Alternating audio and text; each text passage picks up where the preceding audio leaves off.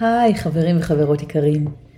את הפרק שאתם עומדים לשמוע עכשיו הקלטתי לפני כמה חודשים, עוד לפני שהתחילה המלחמה ואפילו לפני שעשיתי את הרילוקיישן לאטלנטה. לקח לי זמן להחליט שעכשיו הזמן המתאים להעלות אותו ואני חושבת שעם תחילת השנה החדשה והתחושה שלי שיש אנרגיה חדשה באוויר, גם הזמן של הפרק הגיע. אז קחו ותאזינו. ואני מקווה שתקבלו ממנו ותהנו ממנו כמו שאני נהניתי להקליט אותו. שתהיה לכן האזנה מצוינת. שלום לכולן וברוכות הבאות לפרק נוסף של הפודקאסט נשים מספרות רילוקיישן. אם זו הפעם הראשונה שלכן כאן, פודקאסט נשים מספרות רילוקיישן נוצר על מנת לתת מקום לסיפורים של נשים ישראליות מכל העולם שנמצאות ברילוקיישן. יחד אנחנו שומעות את הסיפור הייחודי של כל אחת, את האתגרים והקשיים שעברה ואת הצמיחה וההתפתחות שחוותה. אני מאיה חן, ואני המנחה של הפודקאסט הזה. אני יועצת רילוקיישן לארצות הברית, ואני מאמינה שליווי אישי לפני המעבר יכול לשנות פלאים את ההתחלה הקשה והמאתגרת. אני מעבירה סדנאות לנשים לקראת הרילוקיישן, הרצאות בנושא רילוקיישן ותהליכי ליווי אישיים. אני גם מנהלת את קהילת ביחד ברילוקיישן בפייסבוק, בוגרת רילוקיישן בעצמי של עשר וחצי שנים לסיאטל, שנתיים לישראל ואו-טו-טו עוברת לאטלנטה. ואחרי כל זה, אני ממש שמחה ונרגשת לארח הפרק את דנה נהרי. דנה נהרי חזרה לפני שלוש וחצי שנים משליחות של ארבע שנים במומבאי. שם היא הייתה הנספחת הכלכלית, האישה הראשונה בהודו, וגם הראשונה ששירתה שליחות מלאה של ארבע שנים במומבאי.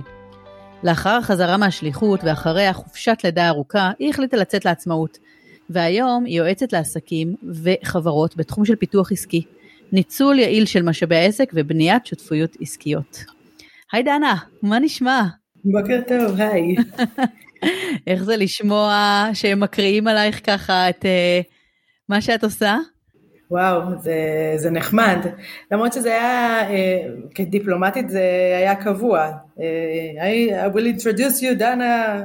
את יודעת שהדיפלומטית את... Uh, את מגיעה לאירועים ומציגים אותך שם כן, בצורה רשמית. כן, בצורה מאוד מאוד רשמית. אז את כבר רגילה, את רגילה גם ל... כן, רגילה כן. גם להציג את עצמך, שם, שם משפחה, אני יודעת, יש איזה קבוצת פייסבוק שאני עוקבת אחריה, והם אומרים כל הזמן שממש חשוב להציג שם ושם משפחה. כי הרבה נשים נכון. יש להם נטייה כזאת להגיד, רק שלום, אני מאיה. אז אני ככה ממש שמה לב שאני אומרת, מאיה חן. גם, את יודעת, כל אחד מגדיר את עצמו אחרת. אני... אה, מאז שיש לי ילד, אני פתאום רואה שהרבה נשים מגדירות, אה, אני אה, שם אימא לאשתו של, אבל רגע, שנייה, זה לא. אני לא מצליחה להגדיר את עצמי, היי, hey, אני דנה, אימא של אורי, בן שלוש וחצי, פעם ראשונה שעכשיו אני אומרת את זה, מגדלת אותו לבד, שזה גם משהו, זה לא משהו, אני לא חושבת שזה מה שמאפיין אותי, כי אני כל כך הרבה יותר מזה. אני חושבת שיש לנו המון המון הגדרות והן גם משתנות עם השנים. את יודעת, יש, אה, יש זמנים שבהם באמת הדבר הכי משמעותי, לדוגמה עבורי, היה באמת הגידול ילדים, אז ככה באמת הגדרתי את עצמי, והיום אני מרגישה ש, שהחלק ה, ה, העסקי או הייעודי שלי, הייעוד שלי הוא כאילו משהו שכרגע ממלא אותי, נקרא לזה ב... לא יודעת אם הכי הרבה, אבל הוא, הוא חלק מאוד עיקרי, ולכן אני מתחילה בו.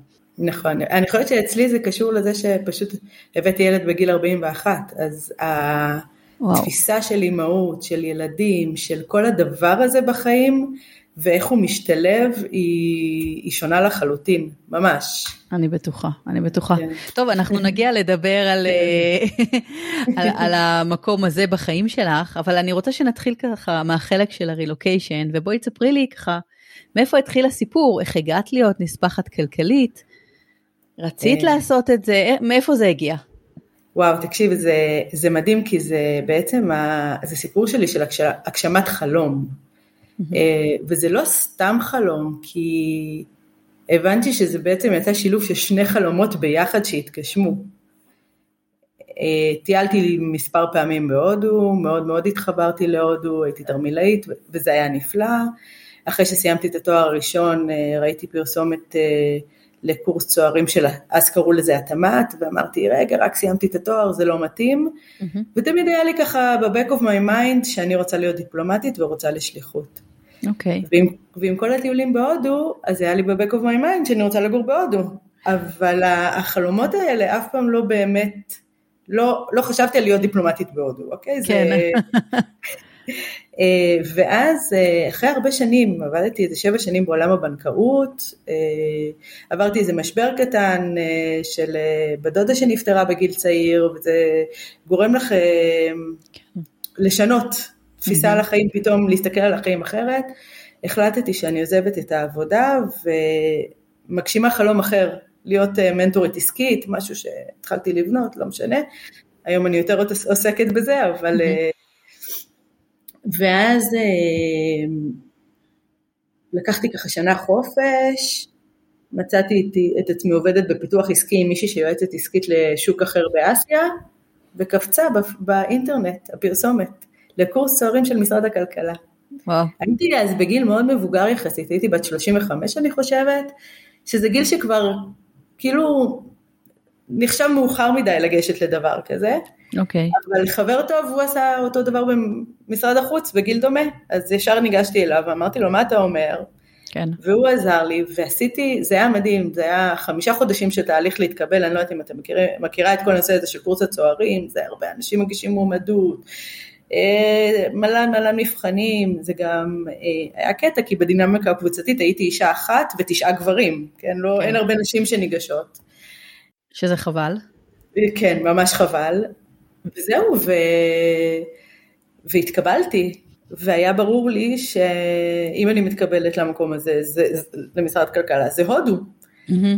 ומה שהכי מצחיק, שאף אחד שם לא רצה לנסוע להודו. כאילו, בשבילי כן. הודו זה השאיפה הכי גדולה, וכולם אמרו לי, רגע, רגע, אל תגידי שאת רוצה הודו, כי זה, זה ידבק בך. ברגע שאת תצהירי שאת רוצה הודו, כן. לשם ייעדו אותך, ואז אה, את אה, חסמת לעצמך כל אופציה אחרת.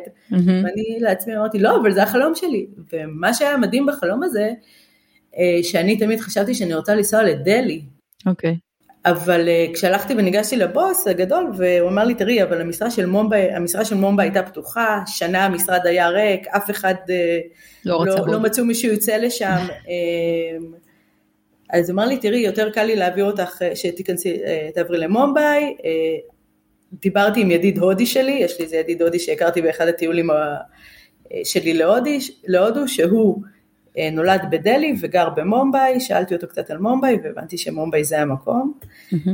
למרות שהייתה לי טראומה שם כתרמילאית. אה, לא וואו. שני, כן, אה, זה כאילו מצחיק.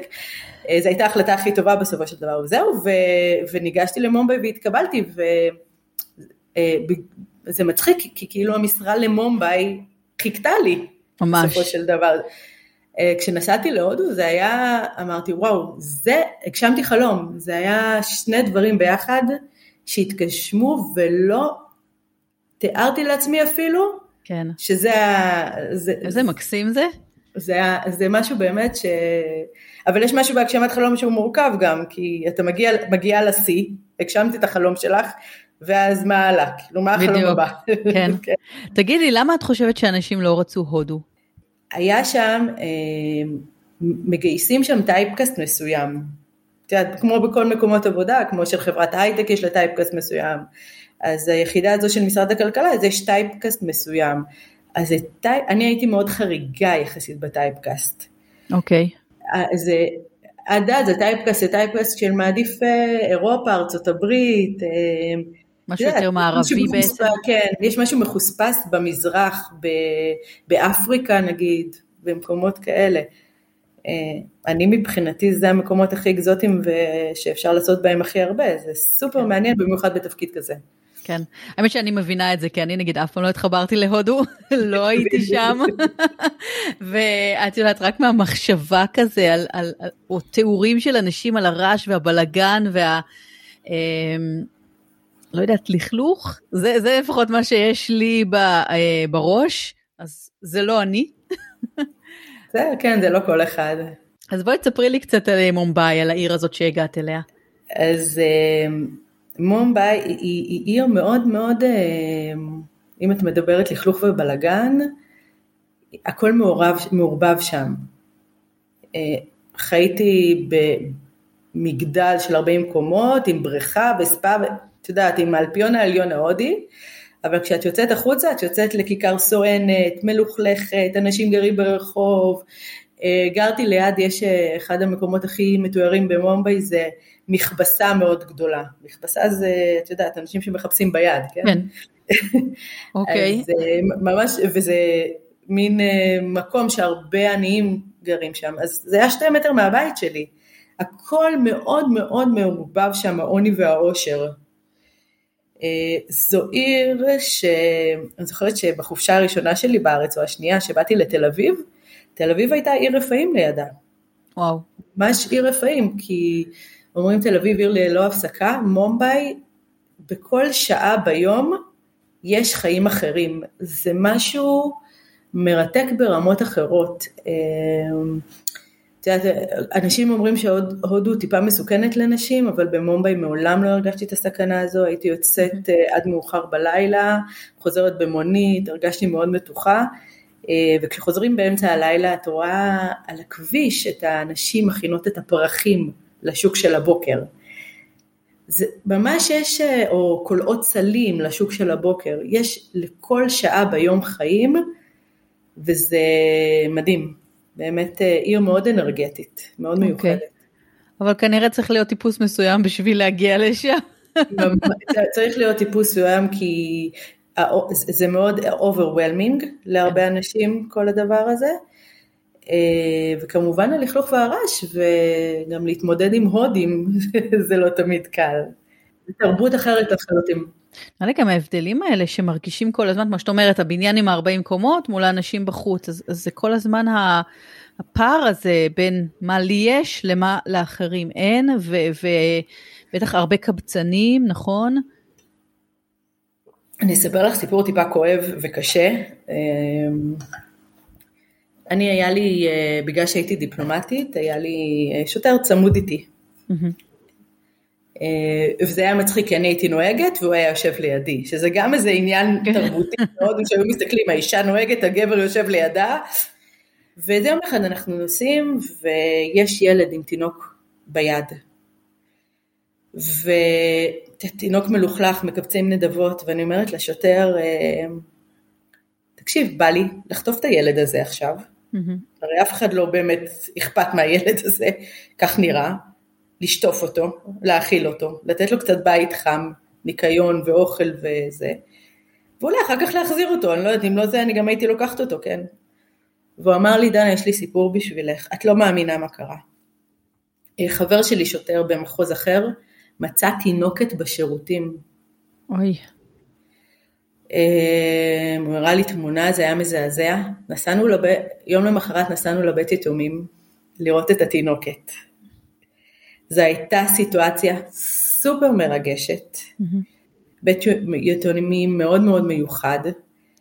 אה, זהו, הביאו לי את התינוקת להחזיק ביד, ואני לא יכלתי לקרב אותה לליבי, כי באותו רגע ידעתי שאם אני מקרבת אותה לליבי אני לא, לא משחררת. כן.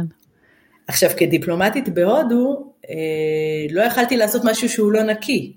כן. הרי ברור שיכולתי לשלם שם לבית יתומים ולאמץ אותה. נכון. למרות שאת יודעת, בהודו, כי בהודו הכל אפשר לעשות זה, למרות שעכשיו התהליך של האימוץ שם היא הרבה יותר אה, מסודר. אה, ולא יכולתי, והתחלתי להתחיל לברר, התחלתי לברר על אימוץ בעקבות הסיטואציה הזו. וואו. ממש, ולצערי לישראל ולהודו אין הסכמי אימוץ, אבל אה, הודו מאפשרת לנשים יחדניות לאמץ, וזה, בקיצור, זה, זה, כן. זה, אלו הפערים. זה נראה לי הלב נקרע לראות את זה כל פעם, זה פשוט... וואו. אה, זה מאוד קשה. אה, יש משהו שכשאת גרה שם, את כבר מתרגלת באיזשהו כן. מקום. זה עצוב להגיד, אבל זה חלק מהיומיום, מהנוף שלך. שלך. אה, עוד סיפור מאוד מאוד עצוב, זה הגיעה הגיע אליי עוזרת חדשה לבית, היו לי, יש עוזרת מאוד זול להביא מישהי שתעזור לך בבית, והגיעה עוזרת שלא דוברת אנגלית. אז היא באה עם איזה מישהי שתרגמה לה, והיא אמרה לי, אבל רק אל תצעקי עליי. אז אני אומרת לה, למה שאני אצעק עלייך? כן. אה, יש שם משהו שהרבה פעמים בתוך ההתנהלות, שכשעובדים אצל אה, משפחה הודית עמידה, שהיחס הוא טיפה שונה ממה שמשפחה אירופאית מערבית תתייחס לעוזרת. אוקיי. Okay. תרבות שונה לחלוטין ו, והרבה דברים מאוד מאוד מורכבים ועצובים. אה, לא, ו... במשפחה הודית יותר יצעקו, כאילו ידגישו יותר את הפער מעמדות? כן, כנראה, כן. Okay. זה, אוקיי. ואת יודעת, ומבחינתי זה היה כל כך כיף שהיא הייתה, אז, אז שאריות של אוכל הייתי מביאה לה. אה, כל, הייתי מאוד דואגת ל, לתת לה כל מה שאני יכולה יותר. כש... כן. דרך אגב, כשעשיתי את הסינון של הדברים, בהקשר לפוסט של הסינון שלך, כשעשיתי סינון של הדברים בבית לפני שעזבתי שם, פשוט יצא עם שקים של דברים, בגדים, מצעים, מגבות. אה, כן. כן, אז... אה, אז יצא לה טוב לעבוד אצלך. כן. משתלם, משתלם, גם לא צעקו עליה והתייחסו אליה כן. בכבוד, וגם בסוף קיבלה הרבה דברים. כן. טוב, זה בכלל אה, משהו אחר, אבל אני, אני מסכימה איתך שזה הכי טוב להעביר הלאה דברים. פשוט קשה. נכון, אבל, ממש נכון. אבל נכון. כן. אבל בגלל זה יותר קל לי להעביר, כי אני יודעת שזה, כשאני מעבירה דברים, אני יודעת שזה מגיע למישהו שזה ישתמש בזה, שיהנה נכון. מזה, ויחווה את זה אולי בצורה דומה או שנה כמוני, אבל אה, נכון. להעביר הרבה יותר כיף לי ונעים לי מאשר... אני מסכימה, מסכימה מאה אחוז. וואו. טוב רגע, אבל את עברת, או אני רוצה לחזור לאיזושהי נקודה שעכשיו עברת לגור בהודו, אבל את בעצם, כמו שאני מבינה, עברת כרווקה, נכון? נכון. נכון. וזה מאוד שונה גם מהרבה נשים אחרות שעד היום דיברתי איתן, שהן עברו אה, רובם עם בן זוג או נשואות, מאשר לעבור כרווקה, אז אני אשמח אם ככה, תשתפי אותנו כאן, מה, מה ההבדלים שאת הרגשת? אמ, אז ככה, אה, א', זה היה מאוד לא קל. אני כאילו אתחיל, אה, דווקא אני אה, עברתי כרווקה, עוברים ויש קונסוליה, כ, כדיפלומטית יש משהו מאוד קל, שיש את הקהילה של הקונסוליה שמאוד מחבקת ומזמינה לארוחות שישי. אבל לי זה לא התאים, למרות שהם היו אנשים מקסימים, לי זה לא התאים, הם כולם היו עם משפחות עם ילדים, ואני רווקה, מה, לא, כן. זה לא, זה אורח חיים אחר, זה, זה דברים אחרים, זה צרכים אחרים, וזה לא, לא נתן לי מענה. זה גם סוג שונה טיפה של אנשים, כאילו, את, את יודעת, אני עדיין כן. בת 30 אה, ומשהו רווקה, כבר נהייתי טיפוס אחר. אה, אז היו כמה חודשים מאוד מאוד קשים בחודשים הראשונים שלי, אה, עד שבזכות דווקא אחד הזוגות בקונסוליה, הם הכירו לי ידיד גיי שלהם, ישראלי, שגר במומביי, ועבד okay. שם אוקיי. בחברה. והוא אמר לי, בואי בואי, יש לנו סנדיי בראנץ', הוא היה לו חברה, חבורה של אה, זרים, וצירף אותי לחבורת זרים שלו, mm-hmm. וזהו, ומאז זה היה חבורת סנדיי בראנץ' שלי. וכל פעם הצטרפו אליה עוד אנשים, וזה מדהים כי זו הייתה חבורה מעורבת של, היה שם הודי אמריקאי, אמריקאי, אני הייתי, קראתי לו פייק ג'ו, כי הוא היה, ממוצ... הוא היה יהודי אבל שום קשר ליהדות, mm-hmm. אוסטרלית, אה, סקוטי, בריטי, אה, מקסים. מגוון רחב של אנשים, ו... היינו יוצאים, אה, ופשוט איתם הייתי מבלה, ועם הזמן, אה, תשעה חודשים גרתי במלון עד שמצאתי דירה, כי כשאת דיפלומטית אה, בהודו, שזה נקראת מדינה עם סיכון גבוה, מאלצים אותך לגור במקום מסוים. כן, מן הסתם. עד שהתפנו שם דירות נורמליות גם, המגורים שם הם מאוד שונים מהארץ, אפילו שזה חמישה כוכבים לכאורה. אז גם המלון, היה שם קבוצה שגרה, שהכרתי אותם ונהייתי חברה שלהם. אה, אה, בחור שוויצרי, אז לאט לאט נוצרו לי חברויות עם אנשים כמוני, וזה היה מדהים, זה היה מאוד כיף, כי גם דרכם הכרתי קבוצות ומעגלים איך להכיר עוד זרים שחיים במומביי. אוקיי, okay, אז איך? יש קבוצה, קבוצה שנקראת Internation, שזו קבוצה שנמצאת בכל העולם, שזו okay. אוקיי. קבוצה של בעצם אנשים ש... אה, זרים שגרים בעיר אחרת ועושים מפגשים. מגניב, Internation? כן, Internation. אני לא זוכרת אם זה Internation או InterNations, אבל כאילו okay. משהו כזה. אה, ופשוט אה, כשאת מגיעה למקום חדש, את אה, נכנסת שם והם עושים מפגשים. בבר בדרך כלל או במסעדה, ממש ממש נחמדים. וספציפית במומביי היה עוד קבוצה equivalent ית לה ש, של בחור אמריקאי שגר במומביי, mm-hmm. קראו לו, אה, קראו לסדר, למפגשים האלה cigar club. אוקיי, כמובן. ואלכוהול, כי הוא היה כנראה יבואן של אלכוהול להודו, זו הייתה העבודה שלו, אז גם חלק מזה לשווק, אבל בסופו של דבר זה היה מפגשים שהרבה זרים היו מגיעים אליהם. ושם הקמתי אנשים, שזה היה מאוד כיף. גם גברים וגם נשים? כן, כן. כן. אה, היה לי ידיד סינגפורי, אה, יש לי חבר טוב הודי שהכרתי דרך המפגשים האלה, שאני עדיין בקשר איתו, שביקרתי בלונדון לפני שנה, נפגשנו, הוא עכשיו גר בלונדון, אה, ממש מגוון רחב של אנשים. אני פשוט חושב, מה שאני חושבת הוא, את יודעת, את מגיעה עכשיו, נגיד מישהי מגיעה עכשיו להודו או לכל מקום אחר, איך עושים את הצעד הראשון הזה? זאת אומרת, לך היה נגיד את הבחור נכון, החבר הזה, ש... וזה גם לקח, את מורת אומרת, לקח חודשיים שלושה עד שמישהו הכיר לך אותו. אבל איך עושים את הצעד הראשון ב- בלצאת מתוך ה- המעגל הזה של אני לא מכירה, אני בודדה פה, אני, מה אני עושה?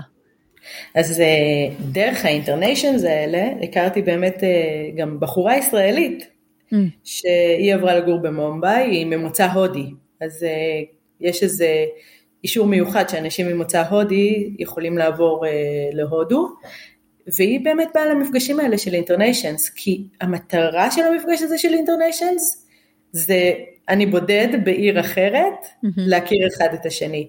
אני מניחה שאם הייתי יודעת על המפגשים האלה, לפני שהכרתי את החבורה הזו, אז כן. הייתי הולכת. אה, למפגשים שכן הלכתי לפני זה, אה, היה איזה כמה מפגשים של דיפלומטים שעשו, הייתי נפגשתי עם דיפלומטים זרים, נגיד אה, הייתה לי חברה נספחת כלכלית של קנדה. אוקיי. Okay. שפשוט כן. הלכתי ונפגשתי עם אנשים בתפקיד כמוני ממדינות אחרות. הכרתי את הנספח הכלכלי של ספרד. אמ, אז מה התכונה הכי חשובה שתהיה לך, שאת צריכה שתהיה לך כדי להתחיל לעשות את זה? פשוט לקחו, תראי, אני חושבת שהתכונה הכי חשובה, דבר ראשון, אני הייתי רווקה שכמה, זו תכונה שעצם זה שאת אה, כרווקה עושה את אה, הזה וגרה כן. לבד, עוברת לגור לבד בחו"ל, אז אני חושבת... זה בכלל. זה בכלל. זה, זה באמת היכולת לקום ולעשות דברים לבד. אה, לא לפחד. להגיד שכל הזמן היה לי את זה? לא כל הזמן היה לי את זה. היו רגעים שאת שקועה בדיכאון שלך וכל מה שבא לך זה שנייה לשכב במיטה ולראות טלוויזיה זה בסדר.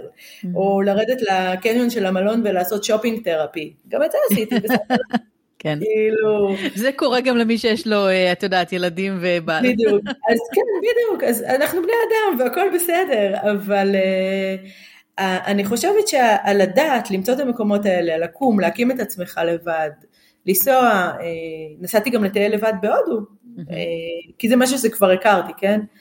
אה, לקום ולעשות את זה, אז זה מעולה, ולחפש את הקבוצות האלה, כי יש, יש קבוצות כאלה בכל העולם, אני פשוט אישית לא ידעתי, ואת יודעת, אני אגיד עוד משהו רווקה, טינדר, יש טינדר גם במומביי, יש אה, אפליקציות היכרויות גם במומביי, ויצא שיצאתי עם כמה בחורים, בהתחלה יצא שיצאתי עם כמה בחורים מטינדר. וזה היה וואו. סופר מעניין, כי זה לימד אותי הרבה, וזה אה, היה, היה מצחיק, כי יצאתי עם איזה בחור שהוא אומר לי, קרב מגע. הוא, הוא, הוא כזה... אה, נו, מה שיודעים על ישראל, כן. במבטא כזה, לא, לא ברור, הוא אומר לי קרב מגע. אבל זה הוציא אותי החוצה. כן.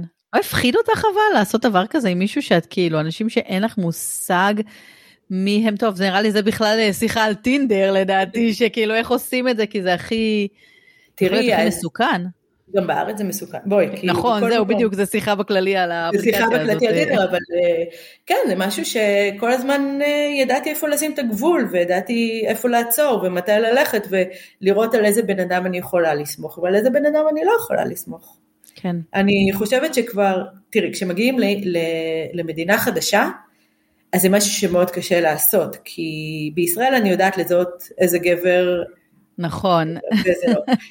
שם זה תרבות אחרת, אבל אני יכולה להגיד משהו אחד לזכות התרבות שם, שאולי אנשים יופתעו.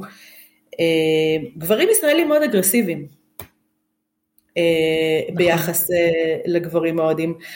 אני, כולם כיבדו אותי, אף אחד לא שלח לי ידיים, לא שלח ידיים סתם ככה, מאוד מאוד כיבדו את המרחב שלי.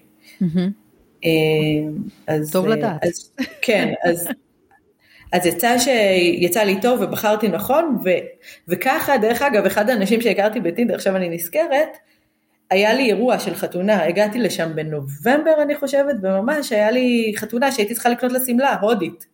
אז היא פשוט באה איתי לקנות שמלה. וואו. גדול. אה, הכירו לי את העיר, ככה הכרתי את העיר יותר טוב, וכל מיני דברים בעיר. יפה, יפה. אני חושבת כן. שסיפרת לי ככה, שדיברנו קצת לפני, שנוצרו לך קשרים ממש ממש טובים עם אה, באמת כמה הודיות, אפילו עד כדי כך שהם אה, מעין אימצו אותך ואחר כך חזרו לך, אז אולי תספרי לי כזה, איך זה התחיל דבר כזה? זה, האמת היא זה ממש מצחיק, כי המתווכת שחיפשה איתי דירות, כן? הפכה להיות uh, החברה הכי הכי טובה שלי. וואו. Uh, ברמה שזה יום אחד היא מתקשרת אליי, דנה, הכנתי לך לאנצ'בג, בואי, תרדי למטה. הכנתי לך ארוחת צהריים, בואי לקחת, וחתכה לי פירות וגויאבה, והכינה לי ארוחת צהריים סופר טעימה. uh, כשהייתי בהיריון ולא הרגשתי טוב, היא באה לבשל לי בבית. Uh, כשהלכתי לרופאה, היא באה איתי לרופאה. הלכתי, בניסיונות שלי להיכנס להיריון, היא באה איתי לרופאה. זה היה סופר מרגש. גם uh, החבר השוויצרי שלי, שהפך להיות חבר מאוד מאוד טוב, Uh, זה מצחיק, הבן זוג שלו בא איתי לרופאה פעם אחת. לרופאת נשים, כן? את יודעת. uh, והייתה לי שם תרפיסטית, שזה היה כל כך שונה מללכת לפסיכולוגית או פסיכותרפיסטית פה בארץ, כי כל סשן אצלה היה לו התחלה ולא ידעת מתי יהיה הסוף. לא עוצרים אותך אחרי שעה ואומרים לך, טוב, נגמר הזמן. ממש לא, עד שאני אמרתי לה, בואי, נגביל את זה לשעתיים בבקשה, כן. כי אני לא יכולה והיה פעמים, דנה, מה בא לך לאכול היום? מה את רוצה שרמוז, המשרת שלה היה המשרת, כאילו, אני לא יודעת איך לקרוא לזה, אבל עוזר בית. בית. כן. מה את רוצה שרמו יכין לך היום? אבל איך יוצרים את הקשר הזה? איך, למה את חושבת שהוא נוצר? בגלל שם? בגללה נגיד? הודים אה, תרבותית הם מאוד דומים בקטע הזה לישראלים, ביצירת קשרים וחברויות. חברות זה ערך מאוד מאוד גבוה, מה שחברים יעשו עבורך שם. Mm-hmm. זה...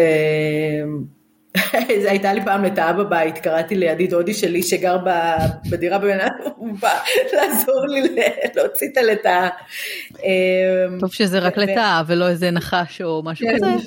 כן, לקומה 14 לא נראה לי שזה יגיע נחש, אבל אה, הם, הם מאוד שם ויעזרו לך, ובאמת, זה, זה אחד הדברים שאת יודעת, אני אשווה לארצות הברית, אוקיי? Mm-hmm. אני לא יודעת איך היה לך בארצות הברית עם אמריקאים, אבל אני מתארת לעצמי שלא דומה, ואני יודעת מחברה שלי שגרה מארצות הברית, שהחברים שלה שהיא יותר מתחברת אליהם זה ההודים שגרים שם.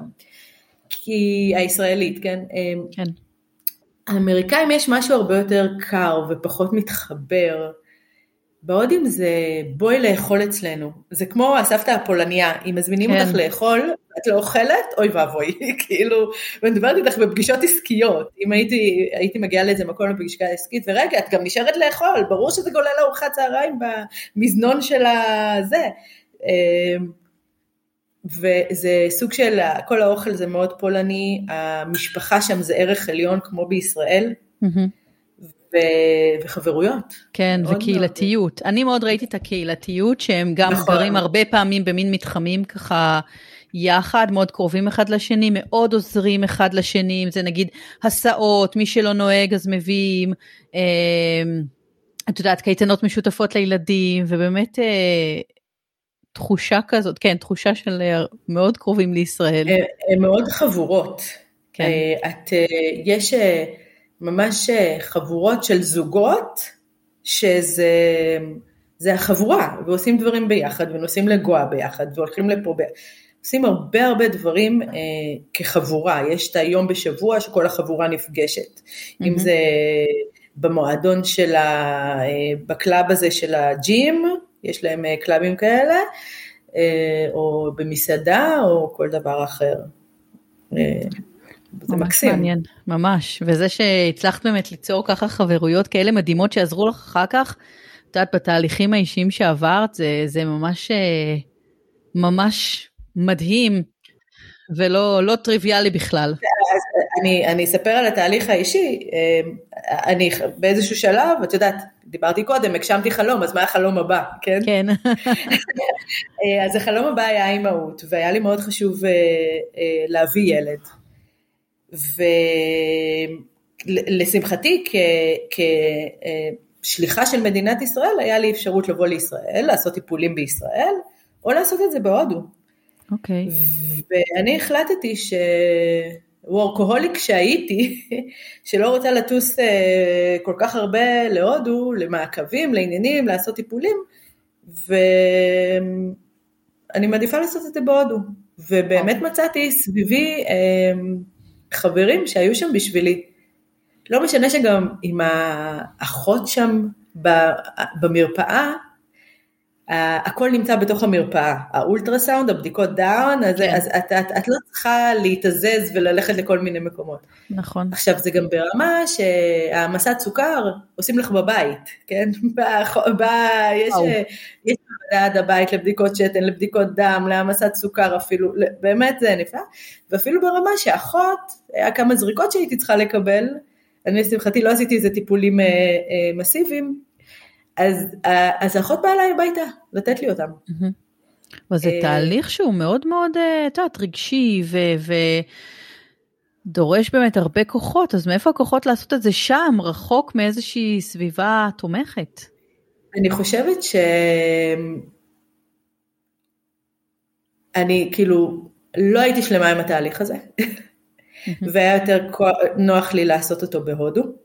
בגלל שלא הייתי מאחוז שלמה, גם לא סיפרתי להרבה אנשים בארץ, היה לי קל להסתיר את זה מהארץ. Mm-hmm.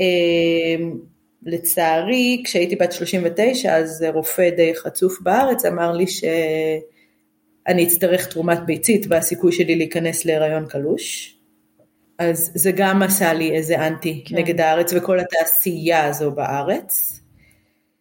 אמ, וכדי שלא יהיה כל הנושא שבארץ כולם לא, יש הרבה אחאים ורציתי להימנע מהזה של האחאים אז העדפתי לקחת תרומת זרע ממקום שאף אחד לא ייקח, לקחתי מהודו. אה, אוקיי, הבנתי. אה, אני לא הייתי שלמה עם התהליך וגם בגלל זה הוא לא צלח ושמונה עשרה חודשים הייתי בתוך תהליך שאני מבחינתי עשיתי רק הזרעות, לא רציתי לקח, לקחת הרבה הורמונים ולא רציתי לעשות משהו זה. אה, ובסוף אה, הסיפור שלי טיפה אה, מצחיק וגם הוא סיפור של אמונה, כי אחרי ארבעה כישלונות, שזה כישלונות מאוד כואבים, ברור. אמרתי לחברה שלי שנכנסה להיריון מה-IVF, מהניסיון הראשון שלה ב-IVF, אמרתי לה, תגידי תודה שלא חווית כישלון, כי הכישלון הזה של לנסות בתהליך כזה להיכנס להיריון ולא להיכנס זה כן. הכאב הכי גדול לדעתי שאישה יכולה לעבור. אה, אז אמרתי טוב, הרופאה אמרה לי תקשיבי את חייבת לעשות IVF, אמרתי לה אין מצב אני לא נכנסת לזה, אה, הבנתי שכנראה אני כבר אוטוטו בת 41 אה, כן. וסיכויי קלושים, אמרתי יאללה על הבא הלאה, הלכתי לידיד שלי הודי, אמרתי לו, הוא בא אליי ביום שלישי, אמר, לקח לי זמן להתבשל עם זה, אמרתי לו, תגיד, בא לך לעזור לי? ככה הייתה השיחה. בא לך לעזור לי? בוא נראה גבר שיגיד, לא, לא בא לי לעזור. איך את רוצה ליישם את זה? כן. אז הוא אומר לי, כן, מתי את רוצה שאני אבוא? ידעתי בדיוק, אה, בגלל שהייתי בתקופה של מעקבים, ידעתי בדיוק מתי הוא צריך לבוא. אמרתי לו, טוב, תבוא ביום חמישי, אמר לי, בסדר. ביום חמישי הוא לא בא, זה היה הולי בהודו, אז הוא היה צריך לחגוג הולי עם החברים שלו, אני קצת התעצבנתי, הוא בא ביום שישי. זהו, ביום שישי עשינו מה שעשינו, ביום ראשון עשינו מה שעשינו והייתי בהיריון. וואו. למה זה סיפור על אמונה? כי כשזה קרה הבנתי שכל החיים שלי האמנתי שברגע שאני אקיים יחסים לא מוגנים אני אכנס להיריון. Mm. היה לי קשה מאוד בתהליך של הלא טבעי שעברתי. כן. ו, וזה פשוט קרה ברגע שזה מאוד הלך עם האמונה הפנימית שלי. כן. אני שמחה, ממש שמחה בשבילך, את יודעת, שאז זה באמת קרה. אז אה, חוויתי תשעה חודשים של הריון בהודו, שזה גם היה... נכון, וואו, את גם לעשות טיפולי פוריות בהודו וגם הריון בהודו, אז איך, איך את מסכמת את זה בגדול כחוויה חיובית?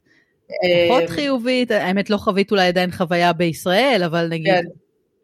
אני, אני חייבת להגיד שב, שדיברתי עם חברות ושאלתי את מה שקיבלתי ובאמת נגיד אה, באיזה שלב הרופאה אמרה לי אה, אה, מה כדורי ברזל לא עושים לך טוב? טוב אני אתן לך עירוי. כאילו לא היה פה את כל, ה... בגלל שזה היה רופאה פרטית, mm-hmm. לא היה פה את כל המורכבות של, שיש בישראל עם הרפואה הציבורית, כי כן. את מקבלת מה שאת רוצה, עשו לי עירויי ברזל בבית, כאילו פשוט באו ותנו לי את העירוי בבית.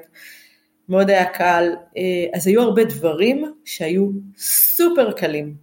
מצד שני, אה, כשאני הודעתי לרופאה שלי שאני בהיריון, אה, ההודים מאוד שונאי סיכון, והיא לא רצה לקחת סיכון, והיה שם איזה פסימיות קלה. היא אמרה לי, טוב, אז בואי נתחיל להעמיס אותך בהורמונים. אמרתי לה, עצרי, אין מצב, אני לא, לא שמה לעצמי כלום, כי מה שיהיה יהיה, מה שהיקום הביא לי, ומה שצריך לקרות יקרה. אה, אז זה, זה טיפה מפחיד. כן. אבל תמיד היה לי מענה, והכל היה במקום אחד, וזה היה משהו שמאוד מאוד היה נוח בקטע הזה. והרגשת אה. שהכל אה, נגיד היגייני, ובאמת מרגיש שהבתי חולים, המתקנים, מספיק, את יודעת, מתקדמים. כן, אני הרגשתי מאוד, לא, לא הרגשתי בעיה עם הדברים האלה, הכל שם, הרפואה שם מאוד מאוד מתקדמת. אני כן יכולה להגיד לך שבהזרעה הראשונה שלי הייתה לטאה שהלכה על הקיר. אוי. אבל זה לא, זה באמת, אה, אבל כל השאר היה באמת לא, אה, אני חושבת אה, עברתי גם צילום רחם, ושם, כי אחד הדברים ששם עושים גם המינימום כאב, אז העברתי אותו בהרדמה מלאה, אני יודעת שהיום שנשים עוברות את זה בארץ לא בהרדמה, אז אני פחות חוויתי כאב בעניין הזה, באמת אני מאוד מאוד הייתי מרוצה מהרפואה שם. אוקיי, okay, אז את בעצם אומרת שלא צריך לפחד לפעמים גם ללכת אה, ולהשתמש במערכות הבריאות במקום אחר, גם אם הוא, יש איזושהי תפיסה כזאת אולי של... אה, זה מיושן. יש לי מה לספר לך, את יודעת ש... יש לי מה לספר לך לגבי ארצות הברית, שחברה שלי סיפרה לי, שחברות ביטוח בארצות הברית מעדיפות לפעמים לשלוח אה, אנשים להודו לטיפולים, כי יותר קל להם שיהיו מטופלים בהודו או במזרח מאשר בארצות הברית. באמת? כן, זה משהו ששמעתי אה, בחברה שלי שגרה בארצות הברית, שיש חברות ביטוח כאלה, והייתי ממש בשוק. אה, ובאמת אני יכולה להגיד לך שהרפואה בהודו, והיה לי מחשבות באיזה שלב ללדת שם, mm-hmm. אה, אני שמחה בדיעבד שלא ילדתי, אבל שם, אבל הבית חולים ברמה מאוד מאוד גבוהה. מאוד אז ילדת בישראל. כן, חזרתי בשבוע 35. וואו, וואו. כן. וואי, וגם... ומי תמך בך כל אותו זמן של ה... באמת, אה, של הטיפולים ושל ההתחלה של ההיריון? מי, מי היה קבוצת התמיכה שלך שם? אז החברה ההודית הזו, אז החברים הטובים שלי שהיו שם, שזה החברה ההודית, שהיא גם בישלה לי בזמן ההיריון, אה, הידיד השוויצרי, הוא ובן זוג שלו, והיה לנו איזה חבורה כזו אה, שגרה במלון. הם לא הבינו למה הפסקתי לשתות, הייתי מתחמקת בהתחלה, עד שסיפרתי להם שאני, שאני בהיריון, והייתה לי גם חברה ישראלית. ש... אז בעצם היה, היה לך ממש... אה, מקורות אה, תמיכה. היה לי ממש אה, תמיכה, זה כן היה קשה, כי בסופו של דבר החיים שלי סבבו סביב, סביב לצאת ולשתות ולבלות. כן. לשמחתי שכבר נכנסתי להיריון, החבורה של הסנדיי בראנץ' היא התפרקה, כולם כבר חזרו 아, אוקיי. למקומם, אז בקטע הזה לא היה את ההפסד של הסנדיי בראנץ'. מה מבחינת העבודה? מבחינת העבודה, את יודעת, עכשיו את הרי התפקיד הזה, נראה לי משרד הכלכלה, הוא תפקיד שהוא קצת יותר גברי אולי, נכון? בגלל זה גם אמרת שהרבה כן. גברים הולכים לזה. ואת גם אישה שמגיעה לשם, ועכשיו את גם אישה בהיריון. בלי בעל, רגע. בלי בעל. בעל. איך, איך הסתכלו על זה? איך תפסו את זה? אמ, אני חושבת ש... תראי, א', אה, אני אתחיל מזה שלהיות אישה שם היה מורכב, אני אתחיל עוד לפני ההיריון, שלהיות אישה שם, אמ, זה היה רגעים שהיה מורכב, אני, הייתה איזה, הייתה בנסיעת העבודה הראשונה שלי לפונה, פונה זה ארבע שעות ממומביי, נסעתי עם העובדת שלי, וניסיתי לנצל את הזמן כמה שיותר טוב, אז אמרתי לה, את יודעת מה, בואי נזמין לארוחת צהריים נציגים של חברה ישראלית. כי לא, את יודעת, כזה קוד אה, עסקי של, את לא מזמינה ישר אנשים לארוחת צהריים, אז אמרתי נזמין של אה, חברה ישראלית. ונציג של חברה ישראלית, אה, את יודעת, אני כסמולטוק אמרתי, כן, אתם יודעים, מפה אני ממשיכה לריטריטר עובדי בסוף שבוע וזה. אז הוא זרק משהו על זה אם הוא יכול להצטרף אליי, משהו כזה בצורה, משהו לא פוליטיקלי, לא אוקיי. okay. ושמתי איזה גבול ואמרתי לא, כאילו אני לא זוכרת איך אמרתי את זה בצורה. יצאנו מהפגישה והעובדת שלי אומרת לי, וואי, דנה, איך העמדת אותו, איך עמדת מולו, איך... ואז פתאום הבנתי משהו, את יודעת, היה איזה הבנה לתרבות שם ועל ה... הדוגמה שאני שימשתי לעובדת שלי בעניין הזה. על זה שאמרת לו לא. על זה ששמת כן, גבול. זה, כן, על זה ששמתי גבול, על זה שהייתי מאוד בטוחה בעצמי, וזה לא היה, לא נתתי לזה מקום אפילו. חתכתי ולא לא נתתי לזה, לא, לא ניהלתי שיחה על זה בכלל. אני כן ראיתי שכשהיה לי באיזה שלב אמרתי טוב אני צריכה לגייס גם עובד, אני לא יכולה שיהיו לי רק עובדות כי אני מבינה את זה. וראיתי איך, כשהוא עובד שלי, כן, שמתייחסים אליו קודם נגיד, או, שכ... או היו מקומות שראיתי שלי לא, לח... יותר מקומות של ממשלה, שלי לא לחצו את היד ולגברים כן. אז אני הייתי מאוד יצירתית ומצאתי לי את המקומות, אה, עבדתי פחות עם הממשל ההודי, עבדתי okay. אוקיי. יותר עם, אה, גם רציתי שלחברות הישראליות תהיה קל לעשות עסקים בהודו, כן. אז אה, פתחתי תעשייה של עולם הבנקאות, שזה גם משהו שבאתי מרקע ממנו. ופתחתי את התעשייה של כל אה, חברות ההפקה והמדיה, כל הנושא אה. של פורמטים שנמכרים להודו, זה משהו שאני... אז זה אנשים שהם יותר אה, פתוחים ושיותר קל לעבוד איתם ויותר עובדים, והיחס לנשים הוא טיפה אחר.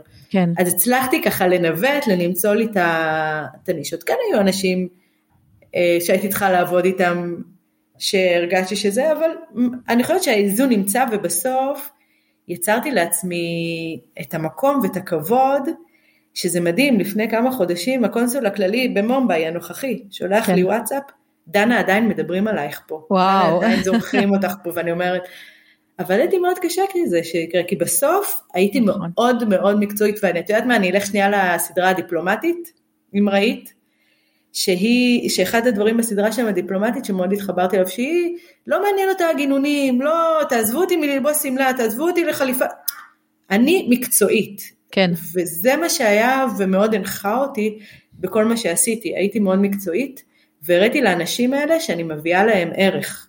אז נכון, אולי כגבר היה לי יותר, הייתי צריכה יותר זמן כדי לבנות את הרפיוטיישן שלי, mm-hmm. אבל בניתי אותו. כן. את ממליצה לנשים אחרות שרוצות uh, ללכת לתפקיד כזה?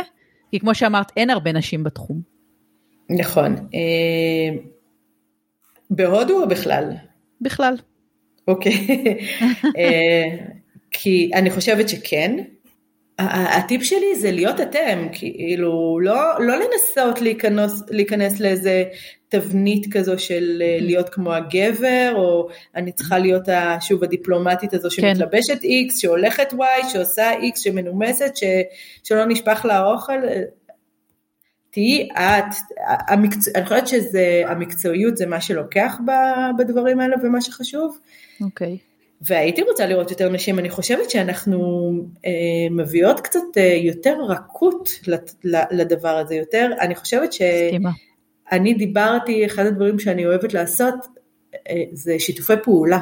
Mm-hmm. וידעתי לבנות שיתופי פעולה כאלה, שלמשל השיתוף פעולה שלי עם משרד ראש הממשלה היה כזה חזק, שהצלחתי לשכנע את ביבי, כאילו לא, לא, לא ישירות מול ביבי, כן, אבל את הצוות של משרד ראש הממשלה, שביבי יבוא למומביי. מומביי היא לא עיר בירה. כן, אה, נכון. ראש ממשלה נסע לעיר בירה. היה לי, הצלחתי להשיג תקציב ממשרד ממשלתי אחר. עבדתי במעות שיפוט, אה, שיתופי פעולה שהם שיתופי פעולה של win win situation, אין פה אגרסיביות, אין פה אגו, בוא נראה איך אני ואת עובדות ביחד, שכל אחד מאיתנו מקבלת ערך. אוקיי, okay, זה, מאוד, אה, זה מאוד טוב לדעת, אני חושבת, ש, שבאמת זה גם תפקיד ש, שנשים יכולות ללכת אליו ולהגיש אליו מועמדות, את יודעת, כי באמת הרבה פעמים זה נתפס כזה. לא, מה פתאום, ומי אני, ומה אני אביא לתפקיד, ואיך אני אסע, או כמו שאת אומרת, נגיד אפילו בתור רווקה, איך אני אסע לבד, אבל הנה את מראה שזה אפשרי, ואפשר גם אפילו להגיע להמון המון הישגים. נכון, כן. זה, זה מקסים, יאללה, טוב, את, אז קודם כל אני ממש שמחה על זה שאנחנו נותנות עוד אפשרות פה לנשים שמאזינות לנו, ואני אה, דיברתי גם עם אה, אב ירמישין מ... כן. שהייתה בסין והיא עכשיו במוסקבה. את יודעת, אז הנה, זה כבר שתי נשים שאתם עשיתם את התפקיד הזה, ונראה לי עושות אותו, את עשית כאילו כבר עברת, והיא עדיין שם, עושות אותו מצוין, אז יאללה, אין, אני אה, אומרת, ברעל, תמשיכו. אני, את יודעת מה, גם אני אגיד פה בקול, וכל מי שהיא שוקלת וחושבת ורוצה, אז באמת מוזמנת ליצור איתי קשר, כי... אני חושבת שלהתייעץ עם אה, נשים בתפקיד, ו... אבל אני אגיד עוד משהו שלדעתי הוא מאוד חשוב. אמ, אני פחדתי לצאת לרילוקיישן, ופחדתי לצאת לחו"ל ולהעביר את עצמי. אז הדיפלומטיה או משרד הכלכלה, משרד החוץ, היה איזשהו אה, משהו מאוד נוח עבורי לעשות mm-hmm. את התהליך הזה, כי את באמת, את מקבלת מכולה, את מקבלת את כן, כל ה... לך... כן, את כל הלוגיסטיקה גב. מסביב, כן, יש איזשהו גב. Mm-hmm. וכשראיתי, כשהכרתי שם את החברים שלי האירופאים והאמריקאים, וראיתי שהם, כל אחד והסיפור שלו, ועשו mm-hmm. את זה לבד, היום אני יודעת שאם אני רוצה לקום ולעשות את זה לבד, אני גם יכולה לעשות את זה. אה, דווקא המסר שלי צריך להיות שהוא כזה שאת יכולה לבד, okay. אוקיי. תחלמי, אה, תבחרי מה את רוצה ותלכי על זה. וואו. אה, זה לדעתי מסר שהוא הרבה יותר חשוב. כן, ברור, זה, אני חושבת שזה, את יודעת, אחד מעל השני. כן. אני גם מאוד מאמינה שיש לנו את החלומות שלנו וצריך אה, לראות איך להגשים אותם, כי כמו שאמרת, חיים קצרים, נכון? נכון. ממש. אז מכל התקופה הזאתי, מה את מרגישה שאיזשהו שינוי שחל בך, או משהו כזה שאת מסכמת ואומרת, וואו, הדבר הזה, את זה לקחתי משם. ואני לא זה... מדברת על ילד, כי זה נכון. לא, ברור. אני אגיד לך בדיוק מה זה הדבר הזה. ואני חושבת שזה משהו שאני נותנת טיפ לכולם, למי שעובר לגור בחו"ל בכלל, אז זה נכון, הקהילה הישראלית מאוד חשובה, אבל להיפתח לקהילות אחרות, כי כשאני אה, בעיקר הסתובבתי עם אה, חברים לא ישראלים וראיתי איך הם חיים ואיך הם מסתכלים על העולם, זה נתן לי משהו אחר, ואני אתן לך דוגמה, בדיוק אה, חזרתי מווינה אתמול, נסעתי עם ההורים שלי והבן שלי לסוף שבוע ארוך, ואנחנו עולים על המונית ואני רואה ששם הנהג הוא חאלד. אוקיי. Okay. ואני רואה שכתוב לו בערבית, ואבא שלי מדבר ערבית, אז אני אומרת לאבא שלי, דבר איתו, כאילו, ואימא שלי שאלה, לא, דנה, הוא מוסלמי, הוא, את יודעת, כאילו, נלחצת, את יודעת, וזה, ולא משנה, התברר שחאלד מסוריה, ואבא שלי התחיל לדבר איתו, וחאלד התחיל להגיד, המצב שלנו היה ככה וככה, כאילו, פתאום ראינו שאנחנו, יש לנו אותן מחשבות על סוריה ולבנון, כאילו, ועל מה שקורה שם. ואני אומרת, לא, הוא לא המוסלמי הזה שנגד היהודים ונגד ישראל, הוא לא עושה לנו שום רע, הנה נהג מונית, לוקח אותנו מיד ליד, הכל בסדר. ומנהלים שיחה מהממת. נכון. אה, ואז עשיתי שיחה, לא, דיברתי עם ההורים שלי, ואני אומרת, אנחנו גדלנו ובאנו ממקום שנורא חושדים באנשים כל הזמן. כן. ו- ו- ואני ראיתי איך החברים שלי האירופאים והאמריקאים פשוט סומכים ונותנים ומכירים את הבן אדם ונותנים לו צ'אנס וזה אחד הדברים המקסימים שקיבלתי אה, מהחיים האלה וגם על להכיר תרבויות אחרות ולראות עולם אחר. נכון. זה כל כך מסכימה איתך על שני הדברים האלה. באמת, אה, אחד מהדברים נגיד שאני נתתי לילדים שלי, ואני מרגישה שזה מתנה לחיים. לדעת ש, שיש את התרבויות, וזה ו... הכל פתוח פה לפנינו. נכון? נכון. אנחנו לא צריכים להיות אה, ולהסתכל רק שהדברים מתקיימים בצורה אחת וזהו. ממש ככה, ממש וואו. אה, זה. כן. כן. זה כל כך מעניין וטוב, היה לך סיפור אה, ממש מרתק ולילד שלך, את יודעת, תספרי לו את כל הסיפור הזה שהוא ישאל על העבר שלו ואיך בכלל... כן, הוא יודע שהוא בא עם אימא בבטן מהודו. כן. איזה חמוד הוא. כן. יופי, אז תראי, אני חושבת שאנחנו כבר דיברנו על ככה מסרים, האם יש עוד משהו שהיית רוצה להעביר לאישה שמתחילה עכשיו את הרילוקיישן, להגיד לה לפני? אני, אני אגיד עוד משהו ש... על כל הנושא של חברויות. אני, mm-hmm. אחד הדברים, אני זוכרת שבאתי ו... ו... אז כבר הכרתי את החבורה של הבראנצ'ים, אבל יצאה עוד מישהי מהקונסוליה ש... שדיברתי איתה. אה, עכשיו קונסוליה זה כמו, כל הזמן אומרים לך, זה כמו צוללת, זה משהו שהוא נורא קיבוצי, ותחשבי שזה דבר קטן, אז זה די אה, זה. והיא אמרה, דנה, אין לנו ברירה, זה אנשים שאיתנו, אנחנו חייבים להיות חברים שלהם. אז אני מאמינה שאפשר לבחור את החברים שלך, גם בשליחות, ולא להתפשר. אז לפעמים אולי זה טיפה יותר קשה, ואולי זה... אבל אני ממש הרגשתי שאני מצאתי את החבורה, ואת החברים, שהיה לי טוב איתם ושקיבלו אותי ושלא, ושכשהתאים ללכת הלכתי ושלא התאים לא ללכת לא הלכתי והם קיבלו את זה שלפעמים אני לא יכולה והם קיבלו את זה שלפעמים לא בסדר. אה, מאוד קבלה של אחד של השני ו, וזה גם משהו לדעתי מאוד חשוב. נכון. ואת יודעת גם לזהות את הפחדים אה, זה מאוד מפחיד לעבור לבד. לזהות את הפחדים לדעת אה, מה אפשר לעשות שיעזור להתמודד איתם. Mm-hmm. ולנסות, ואת יודעת, תמיד אפשר גם לחזור, הכל בסדר, אה, כן. יש מטוס חזרה, היום אנחנו בעולם שהכל פתוח, שום דבר נכון. לא נורא, אז נכון. להעיז ולקום ולעשות את הדברים, והדבר לדעתי הכי חשוב זה להיות קשובה לעצמך ולמצוא מה נכון לך ואיך נכון לך לעשות את הדברים. כי הדרך שאני באתי והגעתי ונקלטתי במומביי ויצרתי לי שם את הדברים, זה לא דרך שאנשים אחרים סביבי עשו. אה, כל אחד מוצא את הדרך שלו שנכונה כן. לו. לא. כל, זה כל כך נכון, זה כל כך נכון. אפשר לקחת רעיונות, אבל בסופו של דבר להיות נאמנים נכון. לעצמנו ולמה שטוב לנו ומי שמתאים לנו, ו... וליצור לעצמנו את החיים שלנו, נכון? זה מקסים מקסים. טוב דנה היה לי זה ממש מעניין ואנחנו כמובן יש עוד מלא נושאים שאנחנו יכולות לדבר עליהם. אז אם uh, לסיום ככה אם מישהי רוצה ליצור איתך קשר איך היא יכולה לעשות את זה? Uh, במייל ובטלפון אנחנו את רוצה לפרסם אותם או ש... אני אכתוב אוקיי אז אני אכתוב את ה... כן בתיאור של הפרק את המייל שלך. Uh, ווואו באמת המון המון תודה תודה, נהניתי לדבר איתך. איזה כיף, זה היה ממש ממש ממש מעניין. וטוב, אם אני אסע, אם אני כן אקבל אומץ לנסוע למומבאי יום אחד.